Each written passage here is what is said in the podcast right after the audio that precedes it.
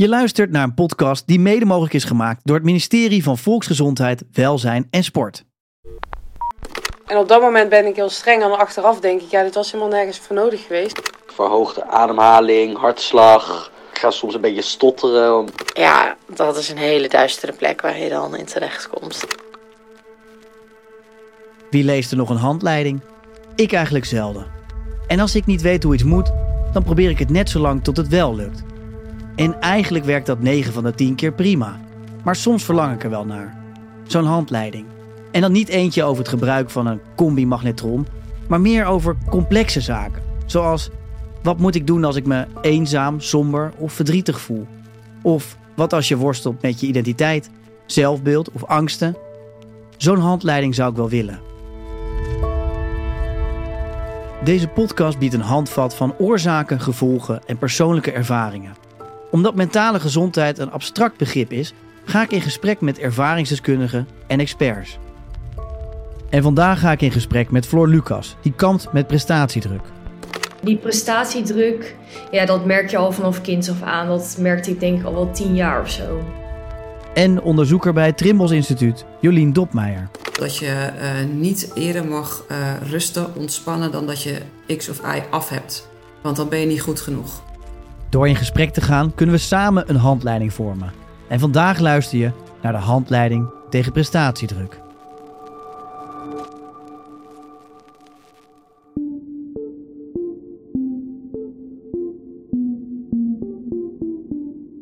Uit recent onderzoek van het Trimbos Instituut blijkt dat bijna 70% van alle studenten stress ervaart.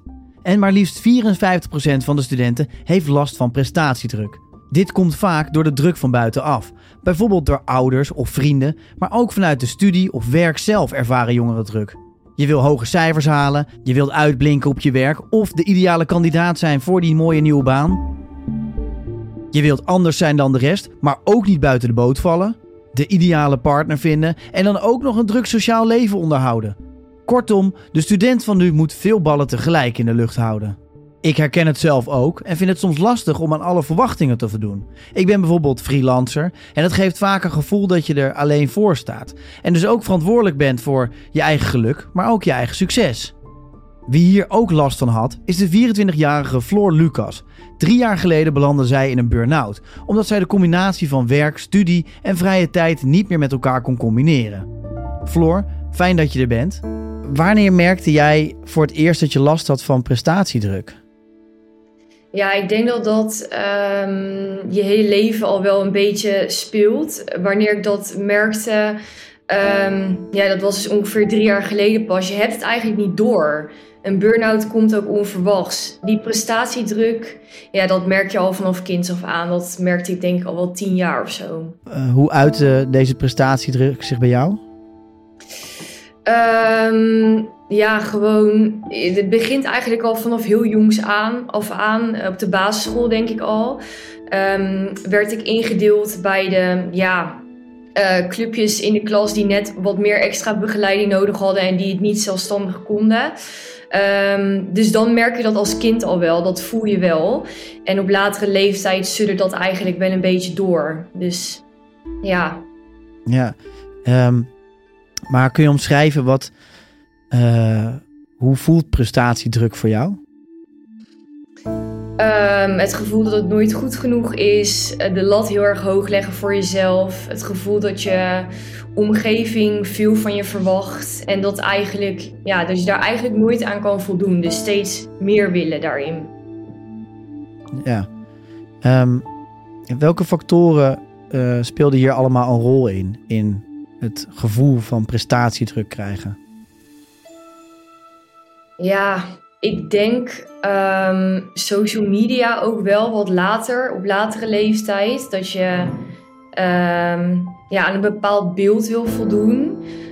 Um, ik denk een bepaald gevoel vanuit huis ook. Dat je ouders meer van je verwachten dan dat je laat zien. Niet dat zij dat per se hebben gezegd of zo, maar meer dat ik dat zelf dat gevoel had. Uh, ja, en jezelf heel erg vergelijken ook, denk ik wel met anderen. Dus continu de vergelijking trekken. Ik denk 3-3 wel een beetje. Ik ervaar prestatiedruk als er heel veel voor mijn gevoel op het spel staat. Dat je bij voorbaat denkt dat het gewoon niet goed gaat komen of dat je het verkeerd gaat doen. Jezelf vergelijken met anderen dus. Hoe uitzicht het eigenlijk in prestatiedruk?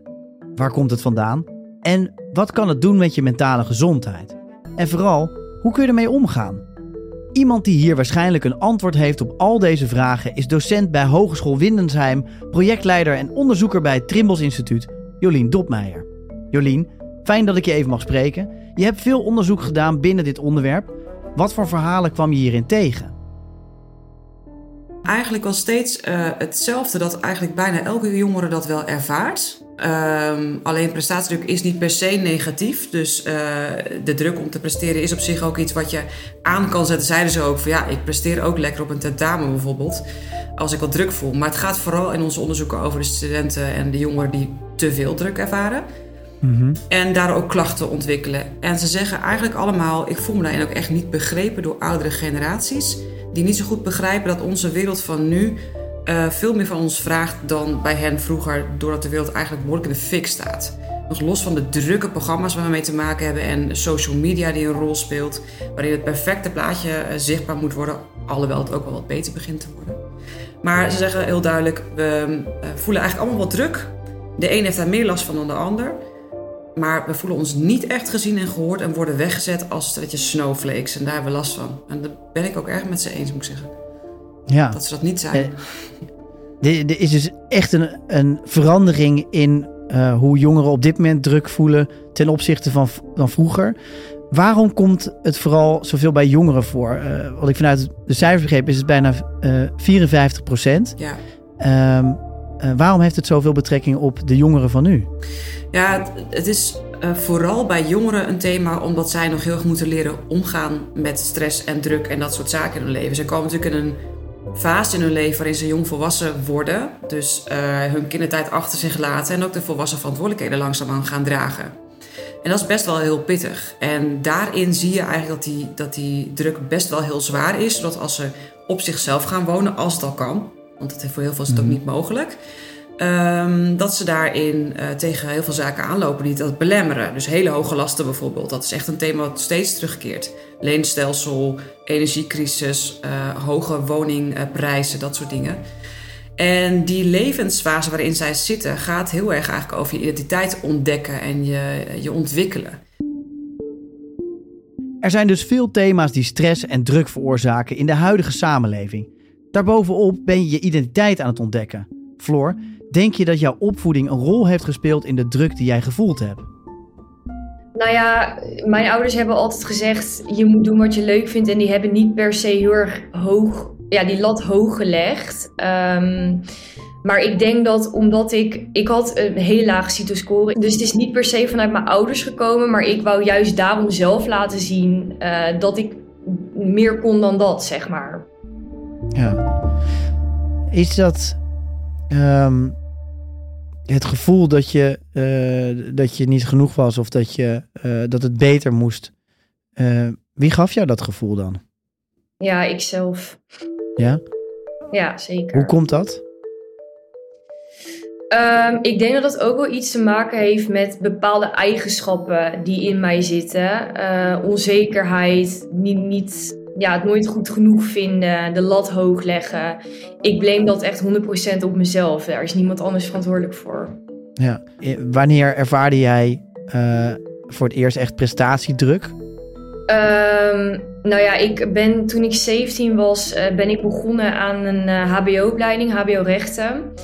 En um, ik ben daarmee begonnen terwijl ik het eigenlijk helemaal niet leuk vond. Maar omdat ik puur wou laten zien um, dat ik dus heel erg slim was. Omdat ik zo'n lage CITO-score had gehaald. Dus ik dacht, nou, hè, ik kies voor rechten. Dat is echt de top van de top op het HBO. Nu ga ik laten zien van, ik ben wel slim. En toen begon dat eigenlijk, want ik deed iets wat ik helemaal niet leuk vond. En ik wou steeds beter en hoger in die opleiding komen om te laten zien van kijk, ik kan het wel. Um, dus ja, dat bouwt zich geleidelijk op in zo'n opleiding. En op een gegeven moment um, ja, kom je in een burn-out. Um, ja, momenteel doe ik inmiddels wel iets wat ik uh, leuk vind. Je vertelt dat op een gegeven moment uitte het zich uh, in een burn-out. Eh, hoe ging dat dan? Dat je eh, ineens merkte dat het te veel werd voor je? Ja, ik was toen op stage en eh, ik was een mail aan het schrijven en opeens ging het niet meer. Dat gaat echt van op het een op het andere moment. Dat voel je, je voelt dat ook niet aankomen. Dat is het onvoorspelbare stuk van een burn-out. En tuurlijk, als je terug gaat blikken, denk je, oh ja, oh ja, oh ja. Maar op het moment zelf, je hebt gewoon het gevoel dat je in een... ehm, ik weet nog dat ik toen mijn vader belde, op het moment dat ik die mail aan het schrijven was. En ik kreeg gewoon geen tekst meer ehm, op papier. En ik beschreef dat toen aan mijn vader als het gevoel dat je ja, in een diep zwart gat valt en dat je gewoon helemaal niks meer aan kan. Het, is wel, het klinkt inderdaad eh, vrij heftig. Ja, Ehm, kun je voorbeelden geven van situaties waarin je hier het meeste last van had? Poeh, ja, ik denk wel ehm, rondom de tentamens. Dat was vooral echt, eh, waren momenten waarop die druk echt extreem hoog werd. Ja, vooral dat. Ja? Ja, dat uit zich in eh, ja, extreme vormen van stress. Niet meer kunnen slapen eh, vanwege echt extreem hoge ja, stresslevels. Ehm, ja, geen lol meer uit dingen halen. Ehm, ja, vooral die twee eigenlijk wel. Ja. Je belandt vervolgens in een burn-out als gevolg van prestatiedruk. En Ja. Zoals je zelf omschrijft, je belandt in een soort zwart gat. Wat, wat gebeurt er dan daarna? ja, je valt in een soort leegte en je trekt opeens echt helemaal niks meer. De meest simpele dingen die gaan al niet meer. Je kan geen appje meer beantwoorden. En eh, nee, dus vanaf dan, op dat moment besluit ik, eh, of besloot ik direct eh, alles naast me neer te leggen. Studie, verjaardagen, nou ja, goed, boodschappen doen. Eigenlijk alles. Floor belandde dus in een burn-out en ontwikkelde heftige mentale klachten als gevolg van onder andere prestatiedruk. Jolien, is dit iets wat vaker voorkomt? Ja, wat we zien is ook in het onderzoek hebben we gevraagd naar wanneer staat dat nou om. Hè? Want prestatiedruk kan dus ook iets goeds opleveren. Uh, als in, het kan een soort gezonde impuls zijn om dingen gewoon goed af te ronden. Maar als het echt heel veel wordt en dat houdt langdurig aan. En zeker als je andere verwachtingen van jezelf hebt dan mensen in je omgeving hebben. Dan zien we dan slaat de balans door naar klachten. Bijvoorbeeld burn-out klachten, uitputting. En dan is er echt geen sprake meer van een balans tussen inspanning en ontspanning. Wat studenten aangeven en ook andere jongeren is... ze gaan maar door om aan de verwachtingen te voldoen. Dus dat zien we zeker vaker ontstaan. En dat is ook wel waarom we er zorgen maken over die druk. En dat het ook echt een thema is om, om aan te pakken. Om aandacht voor te hebben en dus jongeren ook serieus in te nemen. Wil je zorgen dat die mentale gezondheidsproblemen ook verminderen aan de achterkant. Ja. Uit onderzoek van het CBS blijkt dat vrouwen vaker last hebben van prestatiedruk dan mannen. Hoe komt dat? Ja, het is überhaupt wel zo dat vrouwen vaker ook spreken over als ze minder lekker in hun vel zitten dan, uh, mannen dat uh, doen. En ook de lat voor zichzelf wat sneller hoog leggen. Dat weten we ook wel ten aanzien van bepaalde psychische klachten. Dat die soms vaker voorkomen bij vrouwen dan bij mannen. Denk aan meer angstklachten, faalangstklachten. Uh, waar de vrouwen meer naar binnen keren, zeg maar, en dat meer intern beleven, uh, zijn de mannen meer, um, ja, richten zich meer naar buiten en gaan bijvoorbeeld meer drinken of uh, nou ja, dat soort dingen doen. Um, ja. Wat ook niet altijd goed voor je is, maar we kennen dat wel, ja. Dus prestatiedruk is iets wat zowel bij vrouwen als bij mannen even vaak voorkomt, alleen uit het zich anders. Het uit zich wel anders, uh, maar vrouwen hebben over het algemeen uh, de, de lat qua verwachtingen nog wel wat hoger liggen. En uh, mm. er zijn veel vrouwen die zich wel daar sneller aan willen conformeren.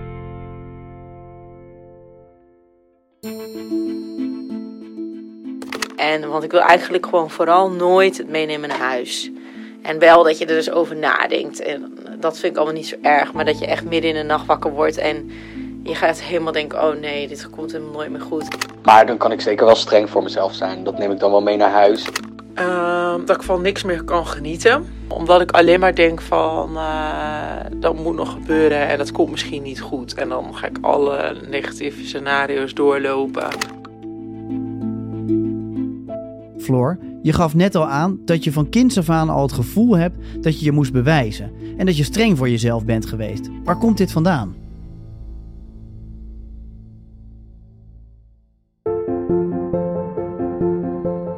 Ehm, ja, en waarom ben ik zo streng voor mezelf? Nou ja, omdat ik ergens wel wist, kijk, ehm, op de basisschool wordt je niveau bepaald door een CITO-score. Dat is een momentopname, maar in principe zegt dat niks over ehm, het niveau wat een persoon aan kan. En uh, ik wist wel dat ik het kon, maar ik kon het toen gewoon niet laten zien. Dus ja, waarom ben ik zo streng voor mezelf? Omdat ik op het HBO wou laten zien van kijk, ik kan het wel. En daardoor ga je die lat steeds hoger leggen. Ja, ik, ik, ik herken het ook in een bepaalde mate dat ik eigenlijk uh, een momentopname eigenlijk een hoge CITO-score had. Maar dat de docenten zelf zeiden: Nou, dat is te hoog gegrepen voor Tim. volgens, mij moet, volgens mij moet die, uh, uh, die, die, jongen heeft zoveel ADD in zijn afgeleid. Die moet lekker uh, onder zijn niveau iets makkelijkers gaan doen.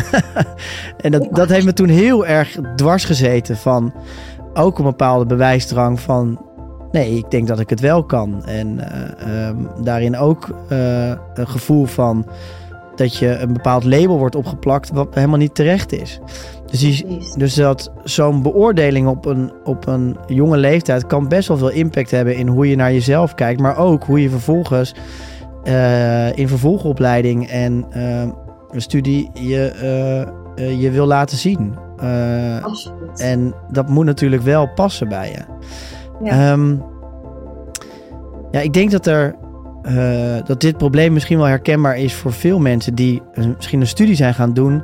Uh, zonder dat ze misschien uh, oprecht die studie zouden willen doen. Maar juist puur uit een, uit een gevoel van ja, dan hoor je erbij. En dan laat je zien dat je wel degelijk intellectueel bent en mee kan doen met de rest. Denk je ja. dat je achteraf op jonge leeftijd veel bewuster um, had moeten kiezen wat voor een uh, studie je zou doen. Maar je bent 17 als je in één keer van de HAVO doorgaat. En ga dan maar eens beslissen wat je de rest van je leven wil doen. Ja, dat weet je dan nog helemaal niet. Tenminste, voor sommigen misschien wel hoor. Maar ik denk dat heel veel leerlingen dan nog helemaal geen idee hebben wat ze willen. Dat ze hartstikke jong, veel te jong om een keuze te maken. Ja. Dus ja. Ja, en, en daar komt dus ook een bepaalde prestatiedruk bij kijken. Dat je een een eigenlijk ontzettend belangrijke keuze al op jonge leeftijd moet maken. Het zijn vaak factoren van buitenaf die een grote rol spelen. Zoals je omgeving, studie, werk en je ouders. Jolien, hoe kan je hier op een gezonde manier mee omgaan en zorgen dat je mentaal weerbaar wordt voor alle druk? Ja, ik denk dat je toch voor jezelf goed moet kijken waar krijg ik stress van. En, en uh, kan ik sommige dingen gewoon een beetje buiten de deur houden. Als jij bijvoorbeeld elke dag nieuws kijken gewoon veel te belastend vindt, doe het dan niet elke dag. En, en laat dat eens een keer even wat meer achterwege. En vooral, mhm. dat speelt bij ook bij het ontwikkelen van burn-out bijvoorbeeld een rol. Um, zorg voor je ontspanning. Je ziet heel veel jongeren die uh, maar doorgaan omdat ze het gevoel hebben dat ze dingen dan niet afkrijgen of niet, of niet op een goed niveau voor elkaar gaan krijgen. Maar je kunt helemaal niet productief zijn zonder ook je ontspanning. Dus ga met je vrienden leuke dingen doen. Dat klinkt heel een beetje truttig bijna, maar het is gewoon echt wel de oplossing om klachten te voorkomen. Ga dingen doen waar jij echt van oplaat en ontdek vooral waar jij uh, van oplaat. Maar weet ook waar je van leegloopt. Dus als je weet waar je van leegloopt en waar je van oplaat, dan kan je van het een minder doen, van het ander meer. Dus het ene schuif je wat dichter en de ander wat meer open. En zo kan je een beetje met die balansen spelen. Ja, dat is natuurlijk een afweging die jongeren moeten maken. Uh, omdat in hun uh, optiek alles prioriteit lijkt te hebben. Mm -hmm. Maar het gaat uiteindelijk om balans hebben, waardoor uh, het een ook naast het andere kan bestaan. Ja, en ook de dingen doen die echt bij jou passen. Want in deze fase hoort ook heel erg ontdekken wie je bent. En vooral je eigen pad lopen. Dus de druk kan ook heel erg ontstaan als je dingen gaat doen die eigenlijk door anderen van jou verlangd worden. Waar je van jezelf zegt, ja, maar dat past eigenlijk helemaal niet zo bij mijn persoon. En het toffe ja. van deze fase in je leven is dat je um, dat, die ontdekkingstocht mag maken en kan ontdekken gaandeweg. Dat mag je trouwens je hele leven nog doen. Dat is ook een belangrijke om tegen jongeren te zeggen, vind ik. dat zeg ik als veertiger, net veertiger. Um, maar ja, ga vooral ontdekken wat is waar je blij van wordt. En waar, van wie word je ook blij. En als jij ook ja. met mensen in contact bent waarvan je denkt, ja, maar dit trekken me eigenlijk leeg. Ja, ga er eens goed over nadenken of je met die mensen dan wil zijn. En misschien zijn er wel mensen bij wie je beter past. Dus dat is ook wel iets wat ik, uh, waar ik tegen mijn studenten zeg. Ga eens voelen ook voor jezelf, welke omgeving word ik blij van? Welke dingen vind ik tof? Welke mensen vind ik fijn? Waar kijk ik graag naar? Dan ben je ook Ja. je authentieke zelf. En dat kost ook minder ellende en stress als je dat kan zijn. Ja, burn-out eh, is, is echt het, het- de energie die opgebrand is eigenlijk. Ja. En eigenlijk, eigenlijk om daar beter voor eh, mee om te leren gaan en weerbaar voor te zijn, zeg je, let vooral op je energie. Waar krijg je energie van en waar wil je je energie en tijd aan besteden? Ja, want burn-out bestaat altijd het idee over dat, dat je dan veel te hard werkt veel te veel uren maakt. Maar als jij eh 80 uur per week doet waar je heel gelukkig van wordt en daar ook heel veel ontspannende momenten tegenover zet, of daar binnen misschien wel creëert, raak je niet in een burn-out. Dus het gaat niet over een urenbelasting, maar het gaat vooral over dingen doen waar je ja, van gaat bruisen, zeg maar, waar je energie uit haalt, waar je gelukkig van wordt. En als je te Ja. veel dingen gaat doen en te lang dingen gaat doen die je leegzuigen, is het recept voor burn-out. Ik spreek uit Ja. ervaring, durf ik eerlijk te zeggen. Ja, ik heb vaak wel eens ook de vraag van mensen gekregen: je bent zoveel dingen tegelijk aan het doen. eh, ligt een burn-out niet op de loer? bij jou? ik hou ontzettend veel energie van het, het werk wat ik aan het doen ben. Ja. Er gaat heel veel tijd en ook heel veel tegenslagen komen er soms bij kijken. Maar ik heb voor mezelf eh, meer structuur in mijn week gekregen door me heel erg te focussen op door de week ben ik hier eh, mee bezig en in het weekend plan ik eigenlijk niks en kijk ik wat er op me afkomt. Als we het over dit soort dingen hebben, wat zouden we moeten of kunnen veranderen in de maatschappij om dit soort problemen te verminderen? Om hier wat op een flexibelere manier mee om te gaan? Ja, ik denk wat eh, we heel erg merken, ook los van de jongeren, is dat we in een heel prestatiegerichte, heel individualistische maatschappij leven. Dus wat vroeger veel meer zo was, niet dat alles vroeger beter was, klinkt ook weer zo, maar eh, wat wel zo was, is dat we veel meer met elkaar samen eh, leefden en dat dat stuk samen er meer in zat. Je ziet nu natuurlijk heel veel polarisatie. Je ziet heel veel mensen eh, op eigen houtje dingen doen. En er wordt ook eigenlijk heel veel nu van je verlangd om je eigen hachie te re- eh, redden. En dat is denk ik een heel belangrijk en niet even makkelijk cultuurelement dat we terug mogen brengen. Meer samen doen. Maar dat zie je bijvoorbeeld wel bij studenten. Die in een coronaperiode, waarin iedereen eigenlijk op zichzelf thuis moest zitten, elkaar zijn op gaan zoeken op een manier dat het verantwoord was. De meeste dan. En eh, er zijn hele mooie initiatieven ook ontstaan om die mentale gezondheid te, vo- te bevorderen. Bijvoorbeeld Ja. allerlei studentenorganisaties zijn dat gaan doen. Super tof. En dat samen element maakt gewoon dat je je veel sterker eh, eh, voelt. Dus ik, ik denk dat dat een hele belangrijke is.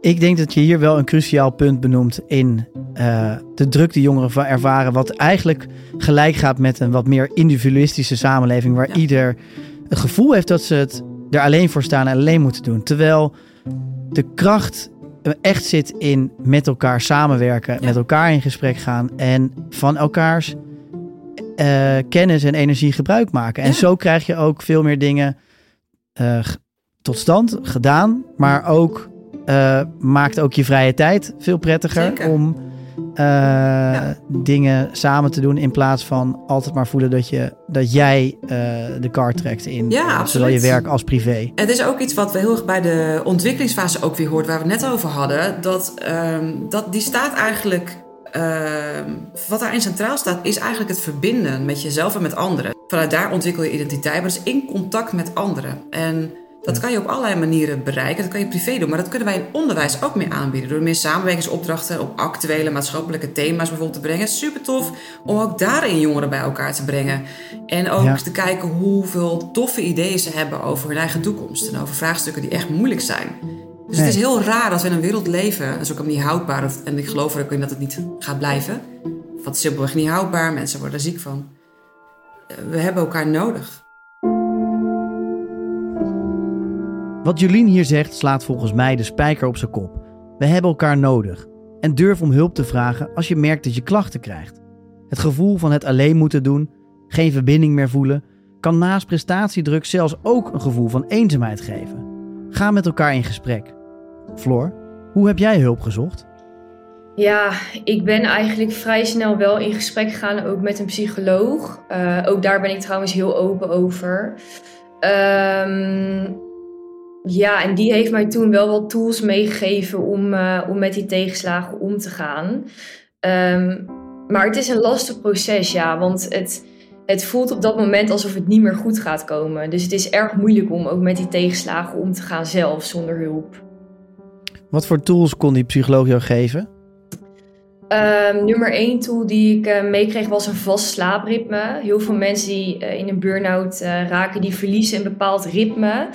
Ja, het is iets heel simpels, maar dat is wel wat onder andere toen heel erg heeft geholpen. Um, sporten, naar buiten gaan, ja, ook een hele belangrijke mediteren. Ja. Mediteren, ja. ja. Hoe merk je dat meditatie van invloed is geweest op het voorkomen of uh, omgaan met burn-out? Nou ja, vaak um, ben je met je hoofd of in het verleden of in de toekomst. En met mediteren focus je op je ademhaling. Um, dat is het enige wat nu is. Dus je gaat heel erg terug naar het nu met meditatie. En dat ja, zorgt voor een bepaalde rust uh, tijdens zo'n burn-out. Ja. Um, heb je idee dat sinds je er open over bent, dat er veel mensen om jou heen hier ook last van hebben? Um, niet per se sinds ik er open over ben, maar ik denk wel dat heel veel mensen er last van hebben. Ja, en ik merk dat ook in mijn directe omgeving.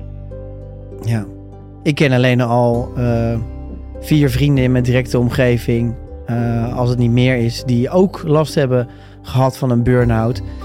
Um, ik vind het al best wel veel in mijn directe omgeving. Ja. Uh, en het, en het, het, het, het lijkt steeds vaker voor te komen. En het lijkt ook steeds vaker gebagatelliseerd te worden, omdat het vaker voorkomt van, oh ja, wie heeft er niet een burn-out gehad? Uh, of is overspannen wordt. Denk je dat, het, dat zo'n label als burn-out te snel wordt gegeven aan uh, uh, mensen die op een gegeven moment niet meer kunnen? Oeh, lastige. Ja, het is natuurlijk best een. overspannen en burn-out zit best dicht tegen elkaar aan. Dus het is best lastig om te bepalen wanneer je nou precies een burn-out hebt en wanneer je gewoon even een paar weken overspannen bent. Ja, het zou best kunnen dat dat te snel, dat label, dat dat te snel wordt gegeven. Maar um, ja, dat durf ik, daar durf ik geen uitspraak over te doen. Nee, dat laat ik echt aan een psycholoog. Uh. ik denk dat het belangrijk is om vooral op jezelf te focussen en goed op je gezondheid te letten als je op een gegeven moment niet meer kan om dat serieus te nemen. Ja. Um, Jij hebt het serieus genomen. Uh, wat doe jij nu anders dan drie jaar geleden? Um, allereerst ben ik iets gaan doen qua opleiding wat ik wel leuk vind. Uh, dus doen wat je leuk vindt. Um, wat is dat voor een opleiding? Voeding en diëtetiek inmiddels. is heel anders. Oké, ja. ja. En wat, maakt, wat maakt dat je voelde van, uh, in tegenstelling tot rechten, dat hier meer je passie ligt? Uh, tijdens rechten begon ik zelf met uh, fitness. En in dat proces ja, raakte ik steeds meer benieuwd van nou, welke rol heeft voeding eigenlijk uh, in dit proces. En toen um, dook ik eigenlijk literatuur in, luisterde ik podcasts en steeds meer ontwikkelde ik die passie voor voeding. En um, ja, momenteel heb ik daar helemaal mijn ding in gevonden. Ik sport zelf fanatiek. Uh, ik begeleid mensen naar gezonde voedingspatronen, heb een kookboek geschreven. Dus ja, ik ben helemaal gelukkig met wat ik nu doe. Dus dat is denk ik echt heel erg belangrijk. Doe iets wat je leuk vindt. Ja, absoluut.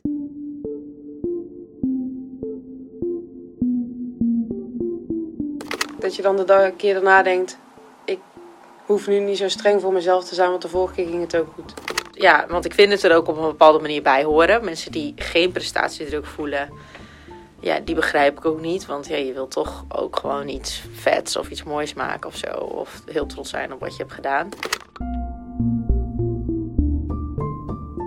Een burn-out is een veel voorkomend probleem. En ik vraag mij af of de verantwoordelijkheid hiervan misschien ook deels bij de docent of werkgever ligt. Toevallig, terwijl we deze podcast opnemen, is vandaag ook de week van de werkstress begonnen. Beroepsverenigingen Nederlands Instituut van Psychologen heeft een statement gemaakt. Als één werknemer binnen een bedrijf last heeft van een burn-out, dan zou het hele bedrijf onder de loep moeten worden genomen. Jolien, hoe kijk jij daar tegen? Oh, dat is interessant. Um, nou ja, het, het, geeft wel aanleiding om in ieder geval te kijken van wat speelt er. En wat, wat, hè, een, een situatie kan ze zeker op zichzelf staan, maar het loont zeker de moeite om na te gaan of er dingen binnen de organisatie zijn die daartoe hebben bijgedragen om te voorkomen dat bij meer mensen gebeurt. Zo eerlijk moet je wel naar je eigen organisatie durven kijken, denk ik. De conclusie kan zijn dat het op zichzelf staande situatie is, dat het er niet mee te maken heeft, maar de verantwoordelijkheid om voor je mensen te zorgen is er. Dus ik vind het best een goed, goed idee om te kijken naar, hey, hadden wij hier als organisatie iets kunnen doen? Of lopen er misschien mensen die nog zich niet gemeld hebben, die toch misschien op omvallen staan? Is ook weer een stuk verbinding maken. Serieus En dit is ook, dit is ook goed eh, voor jongeren om te beseffen dat als je prestatiedruk ervaart en misschien wel met een consequentie als burn-out, dat het niet altijd aan de jongeren zelf eh, heeft gelegen. Het is wel een factor die speelt. Uiteindelijk is eh, eh, een, een burn-out wel een soort van disbalans die bij iemand zelf ontstaat. Maar als een cultuur zo is dat je daar niet over durft uit te spreken bijvoorbeeld... en je misschien ook geen backup hebt in je privésituatie, dan wordt het wel lastig. Maar de disbalans ontstaat in de persoon en daar kunnen allerlei redenen voor zijn. Maar een bepaalde cultuur helpt dan niet mee, nee. Nee. Hey, dit probleem van prestatiedruk eh, komt soms met vlagen. Het zijn natuurlijk momenten waarin je veel druk ervaart. Wat kun je doen als je merkt dat je weer diezelfde druk ervaart? Het allerbelangrijkste bij jongeren wat schuil gaat achter die druk is dat ze vaak ook zichzelf druk opleggen. Dat zeggen ze in diverse onderzoeken. En daar gaat vaak een aantal overtuigingen over zichzelf achter schuil die niet zo positief zijn. Dus dan vertel je jezelf bijvoorbeeld dat je eh, niet eerder mag eh, rusten, ontspannen dan dat je X of Y af hebt. Want dan ben je niet goed genoeg. Of dan mag ik niet meedoen. Of dan, heb ik niet, dan voldoe ik niet. En er zijn zoveel jonge mensen die op een of andere manier denken dat ze hun bestaansrecht moeten verdienen. Terwijl ik denk, je bent hier, dus je, je bestaat, dus je hebt bestaansrecht. Daar hoef je niks voor te doen. Het lijkt toch dat ze hun plek proberen ehm, te, ja, te verdienen of zo. En die overtuigingen van jezelf leren kennen, daar kunnen wij zowel uit het onderwijs, maar ook vanuit ouders zijn er heel goed bij helpen. Waar komt zo'n overtuiging vandaan? En die kan je ook omzetten naar iets positiefs. Een bevorderende overtuiging noemen we dat. Een, eh, een helpende overtuiging, een helpende gedachte over jezelf. En elke keer als je getriggerd wordt in zo'n wat negatievere overtuiging... en je hebt geleerd om die om te zetten in een positieve overtuiging... positieve geloof over jezelf... dan zal je sneller schakelen en denk je... oh ja, daar ging ik weer. Oh wacht, ik heb geleerd om. En dan schrijf je niet in het negatieve gevoel... wat er dan vervolgens aan gekoppeld wordt. Want gedachten en gevoel zijn gekoppeld. Floor geeft aan veel mentale klachten te hebben gehad van haar burn-out. Maar ze heeft er ook veel van geleerd. Floor, wat heb je hier het meest van geleerd? Nou ja, je gaat toch op zoek naar, naar hulp in zo'n burn-out. En ja, zo'n burn-out komt trouwens ook niet alleen door een verkeerde opleiding hoor en prestatiedruk. Maar dat komt ook bij mij door eh, bijvoorbeeld grenzen niet goed kunnen aangeven bij mensen. En eh, ja, daar krijg je toch hulp bij, eh, omdat je daar naar op zoek gaat. Dus ja, je leert dat wel. En dat vind ik wel iets positiefs, want inmiddels kan ik wel die grenzen aangeven en kan ik beter stress reguleren. Dus het is een leerzaam proces, omdat je op zoek gaat naar hulp. Ja. Hoe komt het dat je eerst niet goed was in het aangeven van je grenzen en eh, hoe heb je geleerd nu wel je grenzen aan te geven? Ja, ik vind... Waar let, waar let je dan op?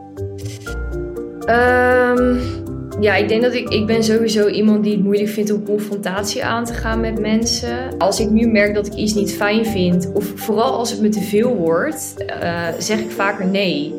En dat is... Ja, dat, ook dat leer je in zo'n... eh, in de hulp die je krijgt bij een burn-out van een psycholoog. Dan leer je van, oké...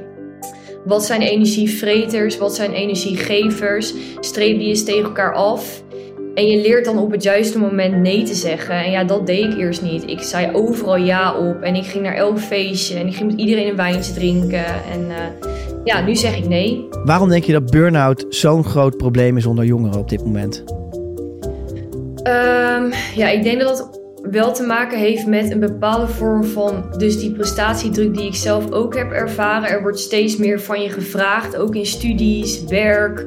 Al op vrij jonge leeftijd. Ehm, dus dat is één. Ik denk dat het ook wel te maken heeft met een bepaald ja, verwachtingspatroon of aan een bepaald plaatje willen voldoen van social media. Jezelf continu vergelijken met anderen. Eh, dus ik denk dat dat ook wel een bepaalde boosdoener is. Ja, vooral die twee eigenlijk, denk ik. Ja. En eh, wat zou je als tip willen meegeven aan luisteraars die op dit moment prestatiedruk ervaren? Misschien wel een studie doen waar ze eigenlijk helemaal niet gelukkig van worden, maar zichzelf voorhouden dat dat uiteindelijk iets is wat, eh, wat ze veel geluk gaat geven. En hoe ze om kunnen gaan met prestatiedruk of misschien wel een burn-out. Nou, voor alle mensen die een studie doen die ze niet leuk vinden, jongens, kap ermee. Ga wat doen wat je wel leuk vindt. Ehm, voor alle mensen die heel veel prestatiedruk ervaren, uh, ik begrijp het helemaal. Ik heb het zelf ook gehad. Um, maar ga naar het nu en um, er zijn echt ergere dingen in de wereld dan een keer een tentamen niet halen of een 6 halen in plaats van een 9. Um, ja, voor de, ja ik, ik, mijn, mijn, echt mijn top 3 tips zijn een goed ritme. Uh, mediteren, mediteren, mediteren. Daar zweer ik gewoon echt bij. ja.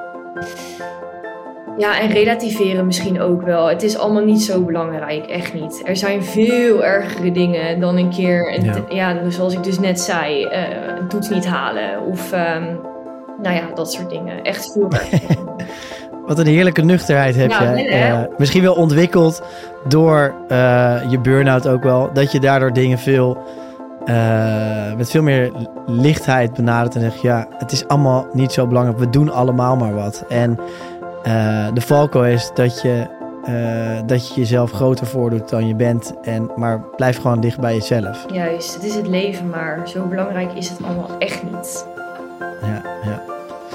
En het leven is super mooi en ook wel degelijk belangrijk om van te genieten. Dus, dus uh, maak het jezelf ook niet te moeilijk daarin. En natuurlijk hoort er ook een bepaald soort. ook tegenslagen horen er soms bij. En daar moet je je misschien wel soms doorheen zetten.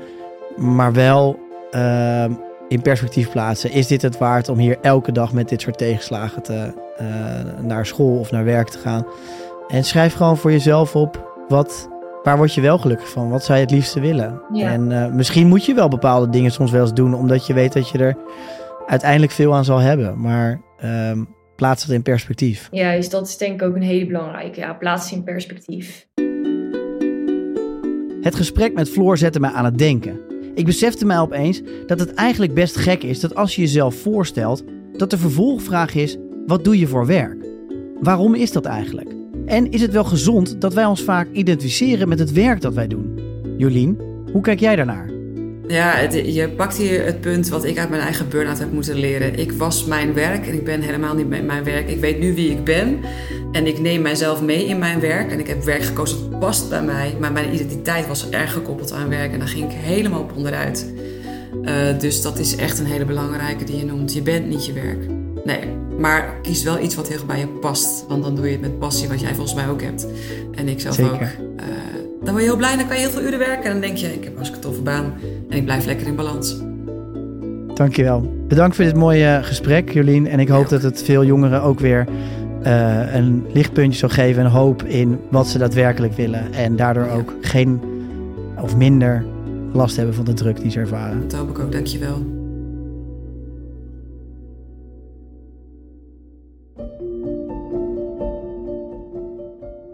Ik denk eigenlijk dat iedereen wel eens last heeft van prestatiedruk. Het is iets heel menselijks. Zoals Jolien ook zei, het hoeft helemaal niet negatief te zijn en het kan een doel hebben. Maar als het je overneemt en je echt mentale klachten ervaart, dan kan het schadelijk zijn. Want als je constant afvraagt: ben ik wel goed genoeg? Dan maak je jezelf helemaal gek. Want als je je vaak vergelijkt met anderen en twijfelt aan jezelf, dan blijf je jezelf altijd een vervolgvraag stellen en ben je nooit tevreden. Dit kan een gevoel van eenzaamheid geven als jij het idee hebt dat jij de enige bent die niet kan meekomen met de rest. De gesprekken met Floor en Jolien vond ik verfrissend, want ik besefte mij iets wat ik me eigenlijk veel vaker moet realiseren. We doen allemaal maar wat. We zijn niet ons werk of onze studie. Je bent gewoon jezelf. En dat idee, dat geeft eigenlijk wel rust. Dit was de handleiding tegen prestatiedruk. Ik wil mijn gasten Floor en Jolien erg bedanken voor hun expertise en openhartigheid. En ik wil jou vragen: heb jij een aanvulling op deze handleiding? Of heb jij een suggestie voor een thema waar jij een handleiding over zou willen horen? Laat het mij weten via Instagram. Want één ding is zeker: deze handleiding komt nooit af.